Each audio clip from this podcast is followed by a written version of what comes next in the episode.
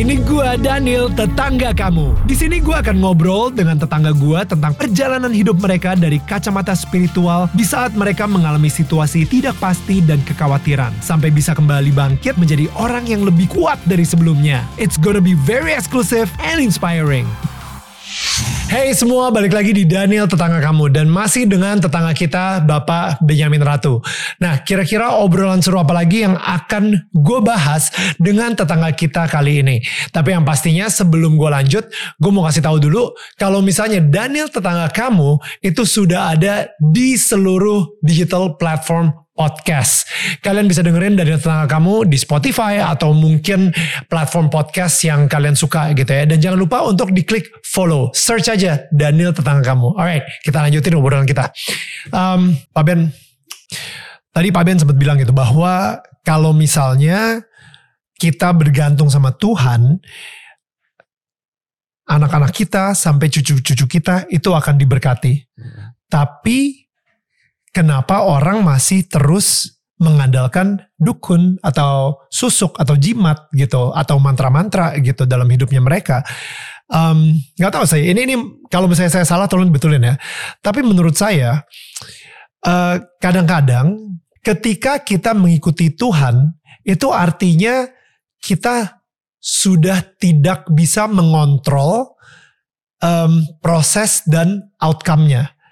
Karena kita udah berserah ini ya. kita percaya aja deh kalau Tuhan itu baik, Tuhan itu um, akan mempunyai masa depan yang baik untuk kita dan anak kita dan cucu kita. Dan tapi masalahnya kita nggak pernah bisa mengontrol situasi dan outcome-nya gitu ya atau uh, situasi dan hasilnya. Benar-benar kita hanya bisa percaya atau itu dia kenapa butuh banget yang namanya iman gitu ya bahwa Tuhan itu akan memberikan yang terbaik untuk kita. Tuhan yang menciptakan kita, Tuhan tahu waktu yang terbaik. Tapi sayangnya waktu terbaik Tuhan belum tentu waktu terbaiknya kita. Yeah. Kita pengen mengontrol situasinya, kita pengen mengontrol outcome-nya dan kita pengen itu sekarang. Nah, cara yang paling cepat adalah dengan kedukun. itu shortcutnya. Ya udah deh, nggak apa-apa. Gue harus ngasih tumbal, gue uh, keluarga gue mungkin akan ada beberapa yang terkutuk. Ya udah yang penting gue harus kaya sekarang gitu misalnya. Uh, itu sebenarnya mungkin hasil apa ya dari hati yang penuh dengan iri dengan cemburu. Ini tetangga gue baru beli mobil baru wah gue harus ngasih lihat juga kalau misalnya gue bisa punya mobil baru mobil yang lebih bagus malahan. Tapi gue nggak punya duitnya kalau misalnya kita minta sama Tuhan Tuhan berikanlah saya kalau misalnya kita doa gitu ya Tuhan berikanlah saya mobil baru supaya saya nggak malu sama tetangga saya. Itu kan doa yang sangat egois dan dan udah pasti kita doa itu aja sama Tuhan juga nggak enak gitu rasanya. Okay. dan kadang-kadang Tuhan tidak akan menjawab doa kita juga dengan jebret tiba-tiba langsung ada mobil jadi cara yang paling cepat adalah ke dukun hmm. supaya dapat mobil baru gitu misalnya atau dapat kekuasaan baru. Gue pengen naik jabatan, gue pengen um, gue pengen punya rumah yang lebih besar supaya gue nggak malu sama uh, saudara-saudara gue. Gue pengen uh, punya jabatan seperti ini supaya orang-orang nggak bilang kalau gue ini orang gagal terus. Gue pengen itu semua sekarang gitu. Dan udah pasti um, untuk mendapatkan sekarangnya itu ya nggak bisa minta sama Tuhan karena waktunya Tuhan bukan waktunya kita gitu. Ya akhirnya orang milih milih jalan pintas. Jalan pintas sih. Oke. Okay. Gitu sih. Gak tau itu bener gak? Kenapa orang milih dukun gitu? Kalau menurut saya gini, pribadi saya untuk apa saya ikut Tuhan? Kalau saya cari Tuhan, betul saya anak Allah dan saya panggil dia Bapa.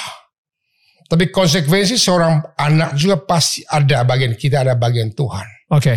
Bagian kita mengasihi Bapak, mencintai Bapak. Hmm, dan percaya sama dan Bapak. percaya sama Bapak, akan hmm. pertolongan Bapak itu bagian saya. Nah kalau saya sekarang ikut Bapak hanya karena ada kepentingan, hmm. lama-lama Papa bilang ini anak pasti ada maunya. Ini uh. ada maunya bernongol loh. Uh. Ya jangan. Saya sebagai anak harus menghargai dia yang melahirkan saya, membesarkan saya. Diberkati atau tidak diberkati, dia tetap papa saya. Saya tetap setia mencintai dia. Apa pun hmm. yang terjadi, saya tetap setia mencintai dia. Hmm. Nah itu soal ilustrasinya. sebagai orang pengikut Kristus, saya pribadi, ya, saya ikut Tuhan kalau hanya mencari berkat, saya akan pasti kecewa. Nanti seperti bangsa Israel. Ketika mana turun haleluya mereka. Terlambat dikit ngomel-ngomel. Itu sebabnya generasi ini tidak berhak masuk tanah terjanji. Karena apa? Anda tahu syukur orangnya. Yang masuk anak cucu mereka. Hmm. Nah demikian pula menurut saya ikut Tuhan itu ya harus pikul salib. Tuhan berkata barang siapa yang mau ikut aku harus sangkal diri dan pikul salib.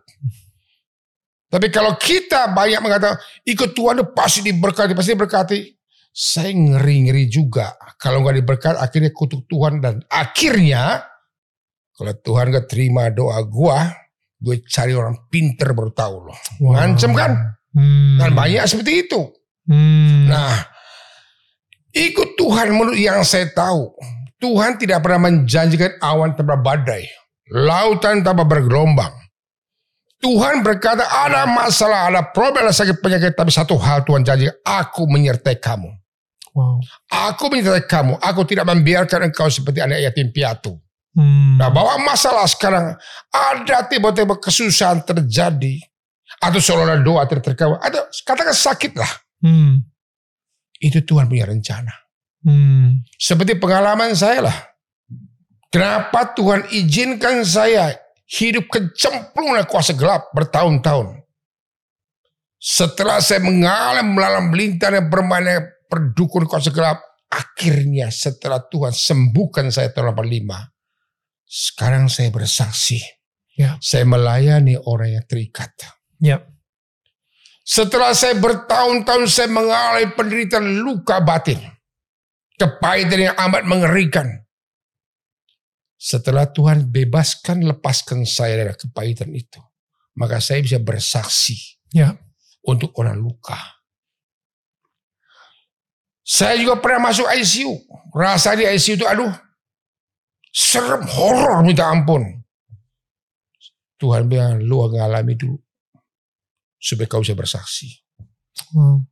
Itu sebabnya saya melayan itu ketika ada yang konseling baik kuasa gelap, hmm. baik luka batin dalam hati, gue udah pernah, hmm. gue udah ngalami sini kan, gitu loh. Hmm. Nah, saya doanya gergetan, kenapa?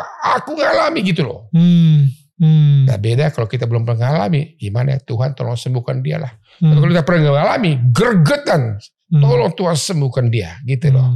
Hmm. Nah mengenai orang jalan pintas itu tadi, hidup kita.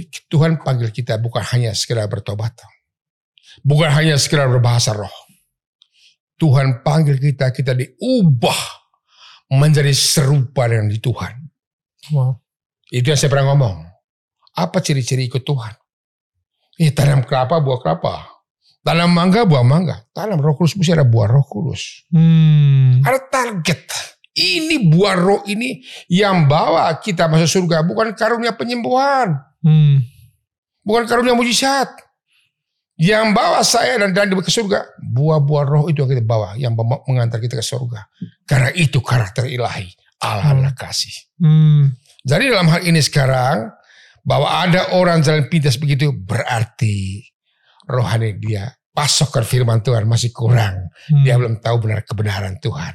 Hmm. Maka itu sebabnya sekali lagi tujuan akhir hidup kita adalah jadi murid ya Tuhan. Murid lagi belajar, hmm. belajar sampai Tuhan panggil kita. Ya, amazing, amazing, amazing. Itu benar-benar um, kena banget dan saya pengen ngomong dulu kepada semua tetangga kita nih yang lagi dengerin, uh, yang lagi nonton. Ini saya pengen ngelakuin sesuatu yang berbeda sama Pak Ben di sini. Um, misalnya tadi ketika Pak Ben ngomongin soal luka batin, ketika Pak Ben ngomongin soal kepahitan di masa kecil, padahal kita sendiri juga nggak tahu kepahitan itu apa. Saya akan minta Pak Ben untuk bisa mendoakan dan mungkin melakukan pelepasan tersebut melalui channel YouTube ini, melalui uh, ini sekarang. Um, jadi coba dengerin baik-baik gitu ya. Uh, pertama tadi yang yang Pak Ben bilang gitu ya, harus mengampuni dulu. Pikirin deh satu orang di dalam hidup kalian yang harus kalian ampuni. Kadang-kadang yang harus diampuni adalah orang tua atau adik, kakak, mungkin paman, mungkin bibi, mungkin kakek, mungkin nenek, mungkin diri sendiri. Um, di masa kecil, keputusan-keputusan yang mungkin merugikan kamu sampai hari ini, itu mungkin kamu bisa maafin. Nah, gimana mungkin gitu kita kita kita ngelakuin si doa pelepasan ini Pak Ben di sini. Sekarang ya. Sekarang tapi uh, prosesnya apa nih supaya di rumah ini bisa ngerasain mungkin di sini kru kru nih juga bisa ngerasain juga gitu. Um, apa yang mereka harus lakuin? Gimana cara mereka ngebuka hati? Pertama-tama saya sampaikan membuka hati kepada orang Kristen yang sudah dewasa. Hmm. Dalam Matius 11:25 Yesus berkata, "Aku mengucap syukur kepada Engkau Bapa, karena Engkau sembunyikan bagi orang bijak dan pandai, tapi Kau nyatakan orang kecil." Orang bijak artinya orang yang sudah pinter, merasa diri tahu, merasa rohani banget. Orang kayak gini mendapat zaman Tuhan agak susah. Wow. Tetapi orang kecil artinya jangan pernah merasa diri, oh gue udah tahu semua, gue udah bersiap semua. Agak, orang seperti itu agak susah. Hmm. Orang merasa Tuhan aku mau. Saya mau Tuhan. Hmm. Hmm. Orang demikian pasti pasti buka hati. Kunci utamanya adalah buka hati. Sama seperti sekarang Daniel. Mau nembak Viola pertama kali. PDKT dia belum buka hati. Hmm. Dua tiga bulan nembak. Jos dapat. Karena Viola buka hati. Ya. Termasuk istri saya. Hmm. Kunci di situ. Dari dulu kami mewartakan firman Tuhan. Tuhan sedang nembak nih. Hmm. Nembak mulai sedang melamar. Percaya sekarang saudara buka hati apa enggak. Kalau buka hati. Tuhan tidak peduli agama kita apa. Yang penting buka hati buat Yesus. Hmm. Maka dia akan masuk dan dia akan bekerja dan sesuai dengan apa yang kau harapkan. Jadi sekarang ini seperti tadi kata Pak Ben, nggak peduli ya, mungkin kalian udah punya teologi tertentu, kalian udah belajar soal uh, Alkitab selama 10 tahun misalnya. Tapi kalau misalnya sekarang ini kalian ngerasa lagi ini kena banget, kenapa gue udah uh, baca Alkitab 10 tahun, gue udah ke gereja tiap minggu, tapi kenapa gue masih hidupnya penuh dengan depresi, kekosongan, dan ketakutan. Gue berharap banget apa yang akan kita lakukan sekarang ini bisa menyembuhkan luka batin yang sekarang kalian alami. Baik saya sampaikan mohon maaf ya. Saya sering ke Holy Land. Ke Israel. Israel. Di sana lokal guide-nya tidak semua agama Kristen. Hmm. Ama ada Yahudi. Ya. Ada ateis. Ya. Ada juga saudara kayak Muslim. Ya. Tapi mereka hafal Alkitab. Luar kepala. Hmm. Bagi mereka ini ilmu para wisata.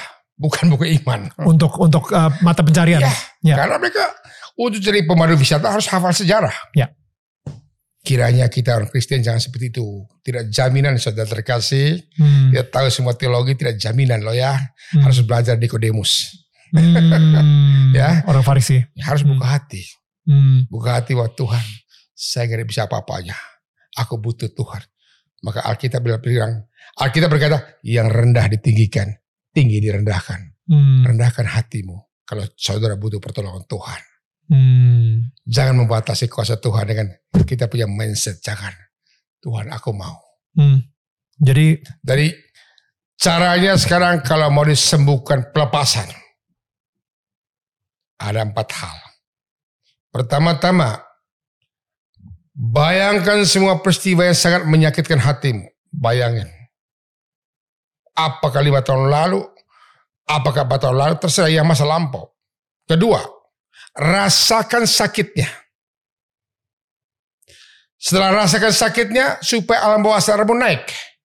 Ketiga, pada saat itu mulai teriak-teriak retret itu kan, hmm, perkatakan, saya mengampuni. Sebut nama, mengampuni. saya mengampuni.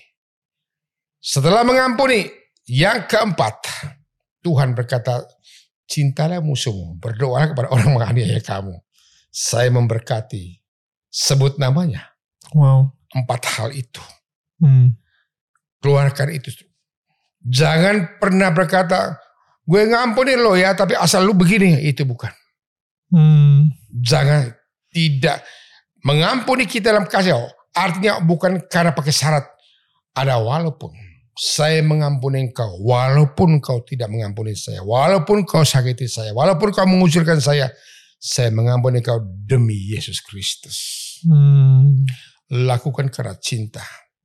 Wow. Caranya demikian, ya. Itu yang terjadi. Saya sebelum saya mulai doa, ini para dengar saya cerita pengalaman saya. Ada satu orang sakit. Dia lumpuh dua tahun. Gak bisa bangun. Saat itu saya diundang untuk doa ke rumah dia. Dalam perjalanan dicerita Pak Ben, kenapa ya? Sudah didoain ini, pendeta ini, romo ini, kok kenapa gak sembuh-sembuh Pak? Sudah ikut doa segala macam, gak sembuh-sembuh juga. Oke. Okay. Saya renung dalam hati Tuhan, kalau senior saya nggak bisa siapa siapa sih saya kan itu. Ya. Dalam perjalanan saya minta hikmat Tuhan, Tuhan, Engkaulah yang doakan. Saya tidak tahu. Singkat cerita sampai di rumah dia masih stroke. Hmm. Saya bilang mulai kapan dia stroke? Pernah ke rumah sakit katanya. Sejak di rumah sakit itu entah, entah tahu gimana, bukannya sembuh malah pulang begini. Hmm. Oke. Okay. Lalu setelah itu saya bilang, kenal gak dokternya yang merawat kamu? Kenal katanya. Ternyata dia kecewa banget dengan pribadi oknum dokter itu. Hmm. Sebel sakitnya minta ampun. Sampai di sana saya katakan, perkatakan ya bu, saya mengampuni rumah sakit itu. Saya mengampuni dokter yang mera, yang yang merawat saya, merawat hmm. operasi saya dalam nama Yesus. Iya. Saya pandu dia. Berkatakan dalam nama Yesus. Saya pandu keluarkan amarah. Bayangkan kau dioperasi, bayangkan kau diobati. Waduh dia mau mulai marah. Hmm, dia bilang. Saya bilang sebut nama sebut nama dokter itu. Misalnya namanya Dak Daniel. Hmm. Dia mau saya mengampuni. Da, da, da ke nilai tidak bisa. Hmm. Kenapa? Itu alam bawah sana betul-betul kepahitan luar biasa. Hmm. Saya doakan, mohon belas kasih Tuhan. Saya doa dengan bahasa roh. Akhirnya saya mengambil Daniel. Hmm. Ulang lagi. Saya doakan Daniel. Ulang. Wow. Selesai itu, saya mau pulang. Saya minum kopi di luar, eh minum ada snack lah. Hmm. Saya mau pamit bu, saya mau pulang ya ketika saya pegang tangan ibu ini. Dia tarik tangan saya. Uh. Seolah ada isyarat bangunin saya dong. Eh, saya tarik. Hmm. Dia duduk. Yang ketika dia duduk suaminya nangis. Ah, saya bilang kenapa pak? Belum pernah duduk pak, belum pernah duduk pak. Saya bilang puji Tuhan. Wow. Akhirnya saya bawa ke sini. Saya pandu duduk di samping kursi eh sampai tempat tidur. Hmm. Saya kakinya bisa begini gini. Bisa gerak lagi. Bisa gerak. Wow. Saya tuntun dah jalan situ. Bisa. Bisa. Akhirnya saya pulang. Dua minggu kemudian saya balik lagi udah terima tamu dia. Saudara lihat. Dosa membunuh Tuhan ampuni. Dosa berzina Tuhan ampuni ada satu dosa yang sulit Tuhan ampuni. Dosa tidak mau mengampuni alias benci dan dendam. Hmm. Ketika ibu ini lepaskan musuh, lepas pengampunan pada musuhnya, kuasa Tuhan mengalir, memulihkan, hmm. menyembuhkan dia. Hmm. Itu pengampunan luar biasa. Ya. Baru saya ngerti pantasan Tuhan suruh ngampuni dia cuma sekali.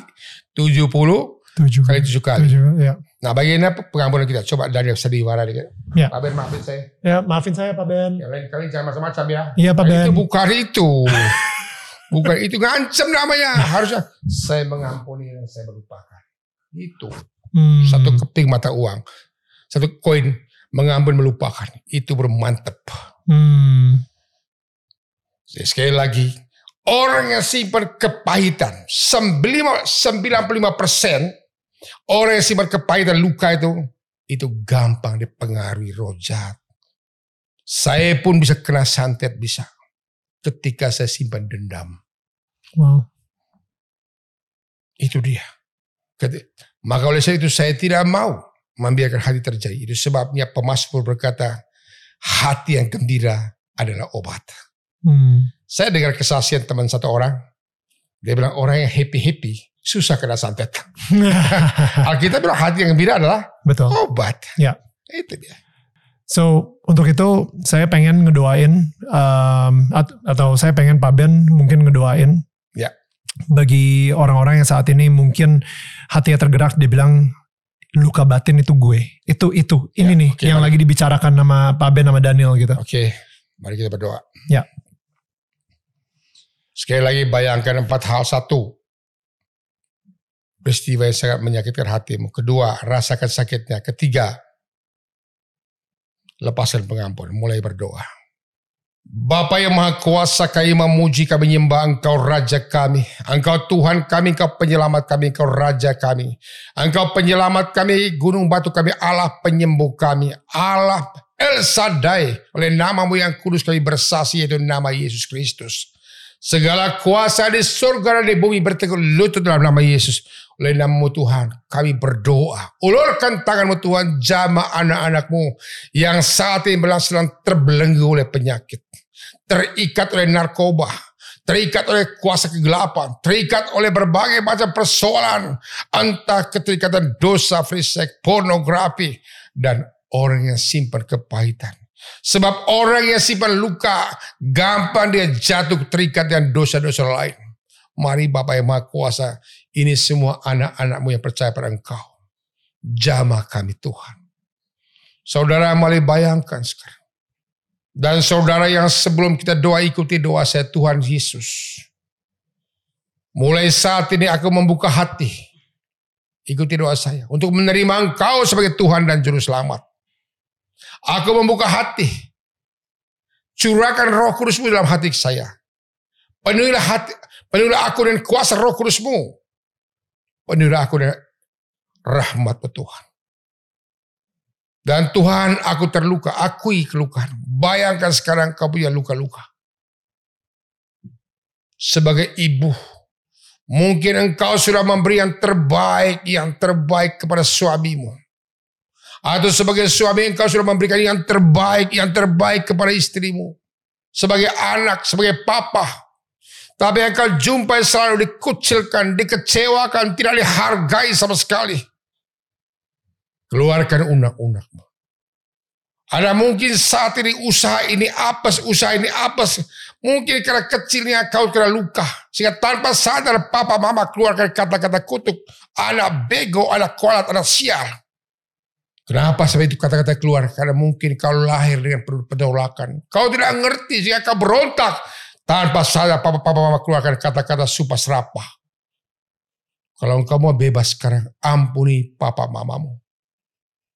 Perkatakan saya mengampuni papa. Saya mengampuni mama. Mungkin itu yang menyebabkan hak karaktermu jadi pemarah yang menyebabkan kau jadi kawin cerai, kawin cerai. Kenapa? Karena masa kecilmu kau tidak diterima. Mungkin kau ditolak oleh papa. Sehingga kau sebagai istri kau butuh figur papa. Kau nuntut pada suamimu. Tapi suami tidak mengerti. Sehingga apa yang terjadi kau merasa berontak dengan suamimu. Lepaskan pengampunan dengan papamu. Bukan salah suamimu. Kau hanya butuh figur. Sebagai istri, suami juga sama ini. Kenapa selama ini kau tidak puas dengan pasanganmu? Mungkin kecilmu kurang perhatian, kurang kasih sayangnya mamamu. Mamamu besarkan engkau di, di panti. Mamamu besarkan engkau pada suster pembantu. Sementara kebutuhan kau kebutuhan butuh kasih seorang ibu. Tapi kau tidak butuhkan. Sehingga ketika kau punya rumah tangga. Tanpa alam bawah sadar menuntut istrimu harus seperti ibumu. Dan dia tidak mengerti. Akhir kau marah-marah dan berontak. Saudaraku, ada Yesus yang menolong kau.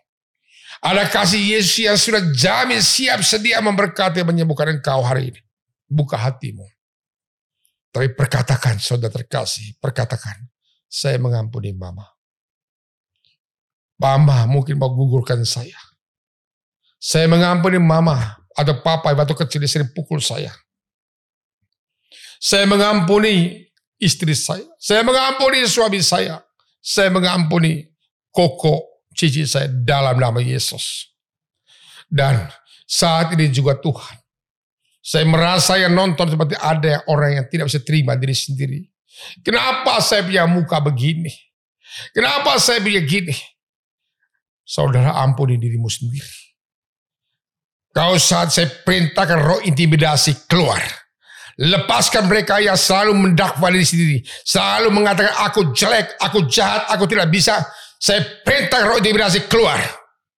Katakan saudara, saya tolak roh intimidasi. Dalam nama Yesus.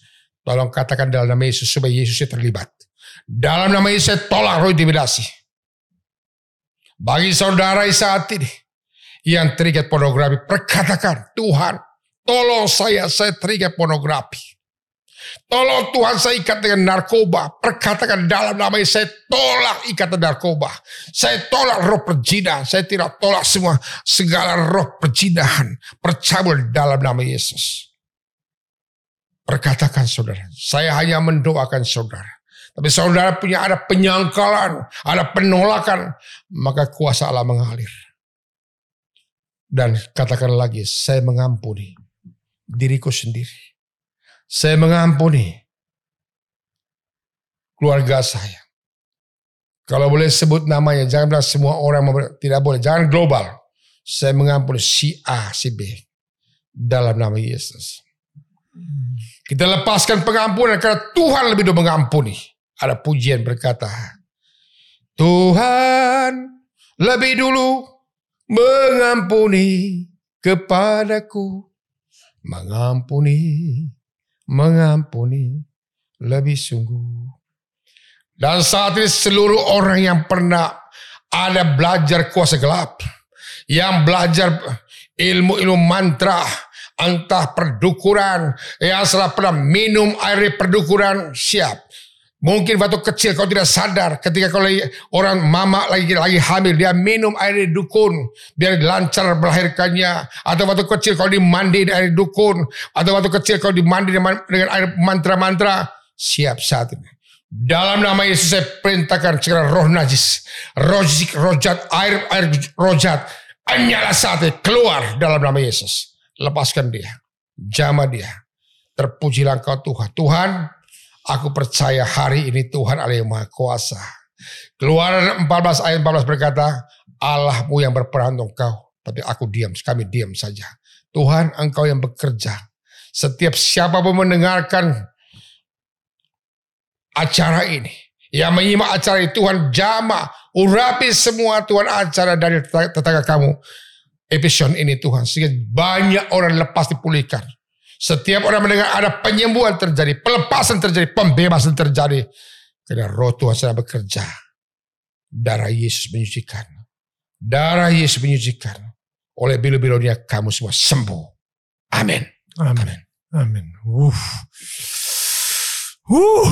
Saya percaya banget mukjizat sedang terjadi. Amin. Saya percaya banget um, siapa pun yang lagi nonton ini hidupnya akan bertransformasi.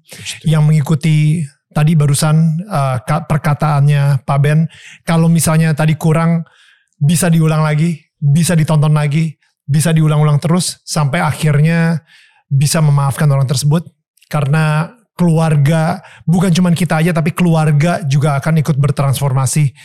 Um, apa yang harus mereka lakukan atau kalau misalnya mereka mau mencari Pak Ben atau mungkin follow up nih, misalnya uh, mereka udah melakukan doa itu, mereka mungkin di rumah di kamarnya sendiri muntah-muntah atau nangis-nangis, abis itu mau ketemuin Pak Ben gimana?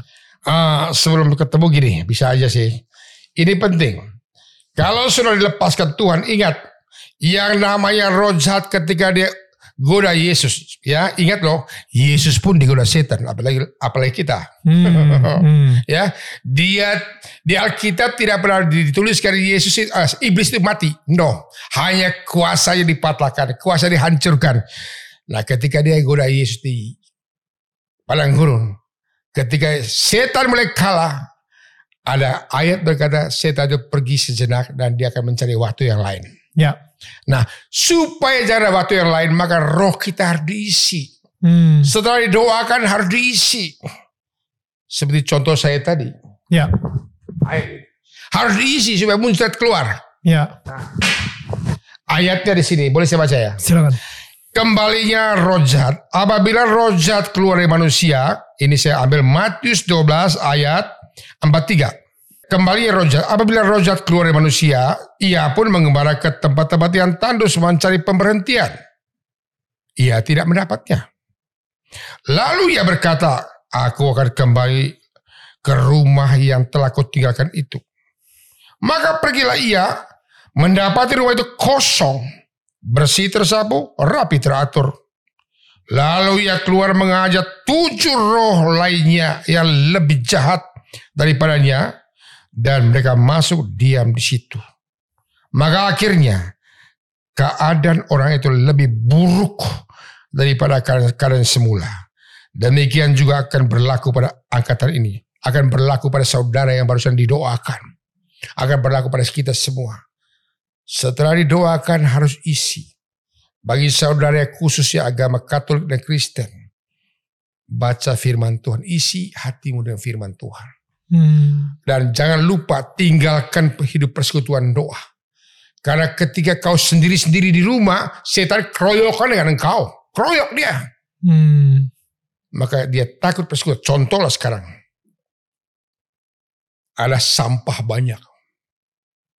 Tapi sapu lidi cuma satu. Nggak mungkin hanyut. Hmm. Tapi coba lidi saya Daniel, kita semua lidinya digabung jadi satu, diikat jadi satu, hmm. sampah berapa set hancur. Hmm. Ada kuasa persatuan, maka penting hidup berkomunitas atau persekutuan atau gereja. Hmm. Contoh yang kedua ilustrasi, ini ada obor, katakan obor api, api pon ya, hmm. nyala gede, oh gede saya punya luar biasa. Coba yang jalan sendiri di luar sendirian, datang angin gede, angin besar, set padam, hilang. Tapi coba obor saya, obor Daniel, semua sepuluh obor digabung jadi satu. Makin gede angin, makin gede nyalanya, nyamper ke mana-mana. Wow. Ada kuasa dan persatuan, maka api Roh Kudus akan menyamper hmm. ke mana-mana. Hmm. Maka itu penting dari baca firman Tuhan. Tidak hanya baca, banyak yang berkata, saya sudah baca. Renungkan firman Tuhan. Hmm. Tidak hanya renungkan, perkatakan firman Tuhan. Wow. Tidak hanya perkatakan, lakukan firman Tuhan. Maka iman tanpa perbuatan mati. Hmm. Ya, dan itu penting. Nah, dari itu berkomunitas ikut sel kah, apakah penting hmm. ikut sel penting kan di situ kita di situ kita saling menguatkan. Saya juga punya sel.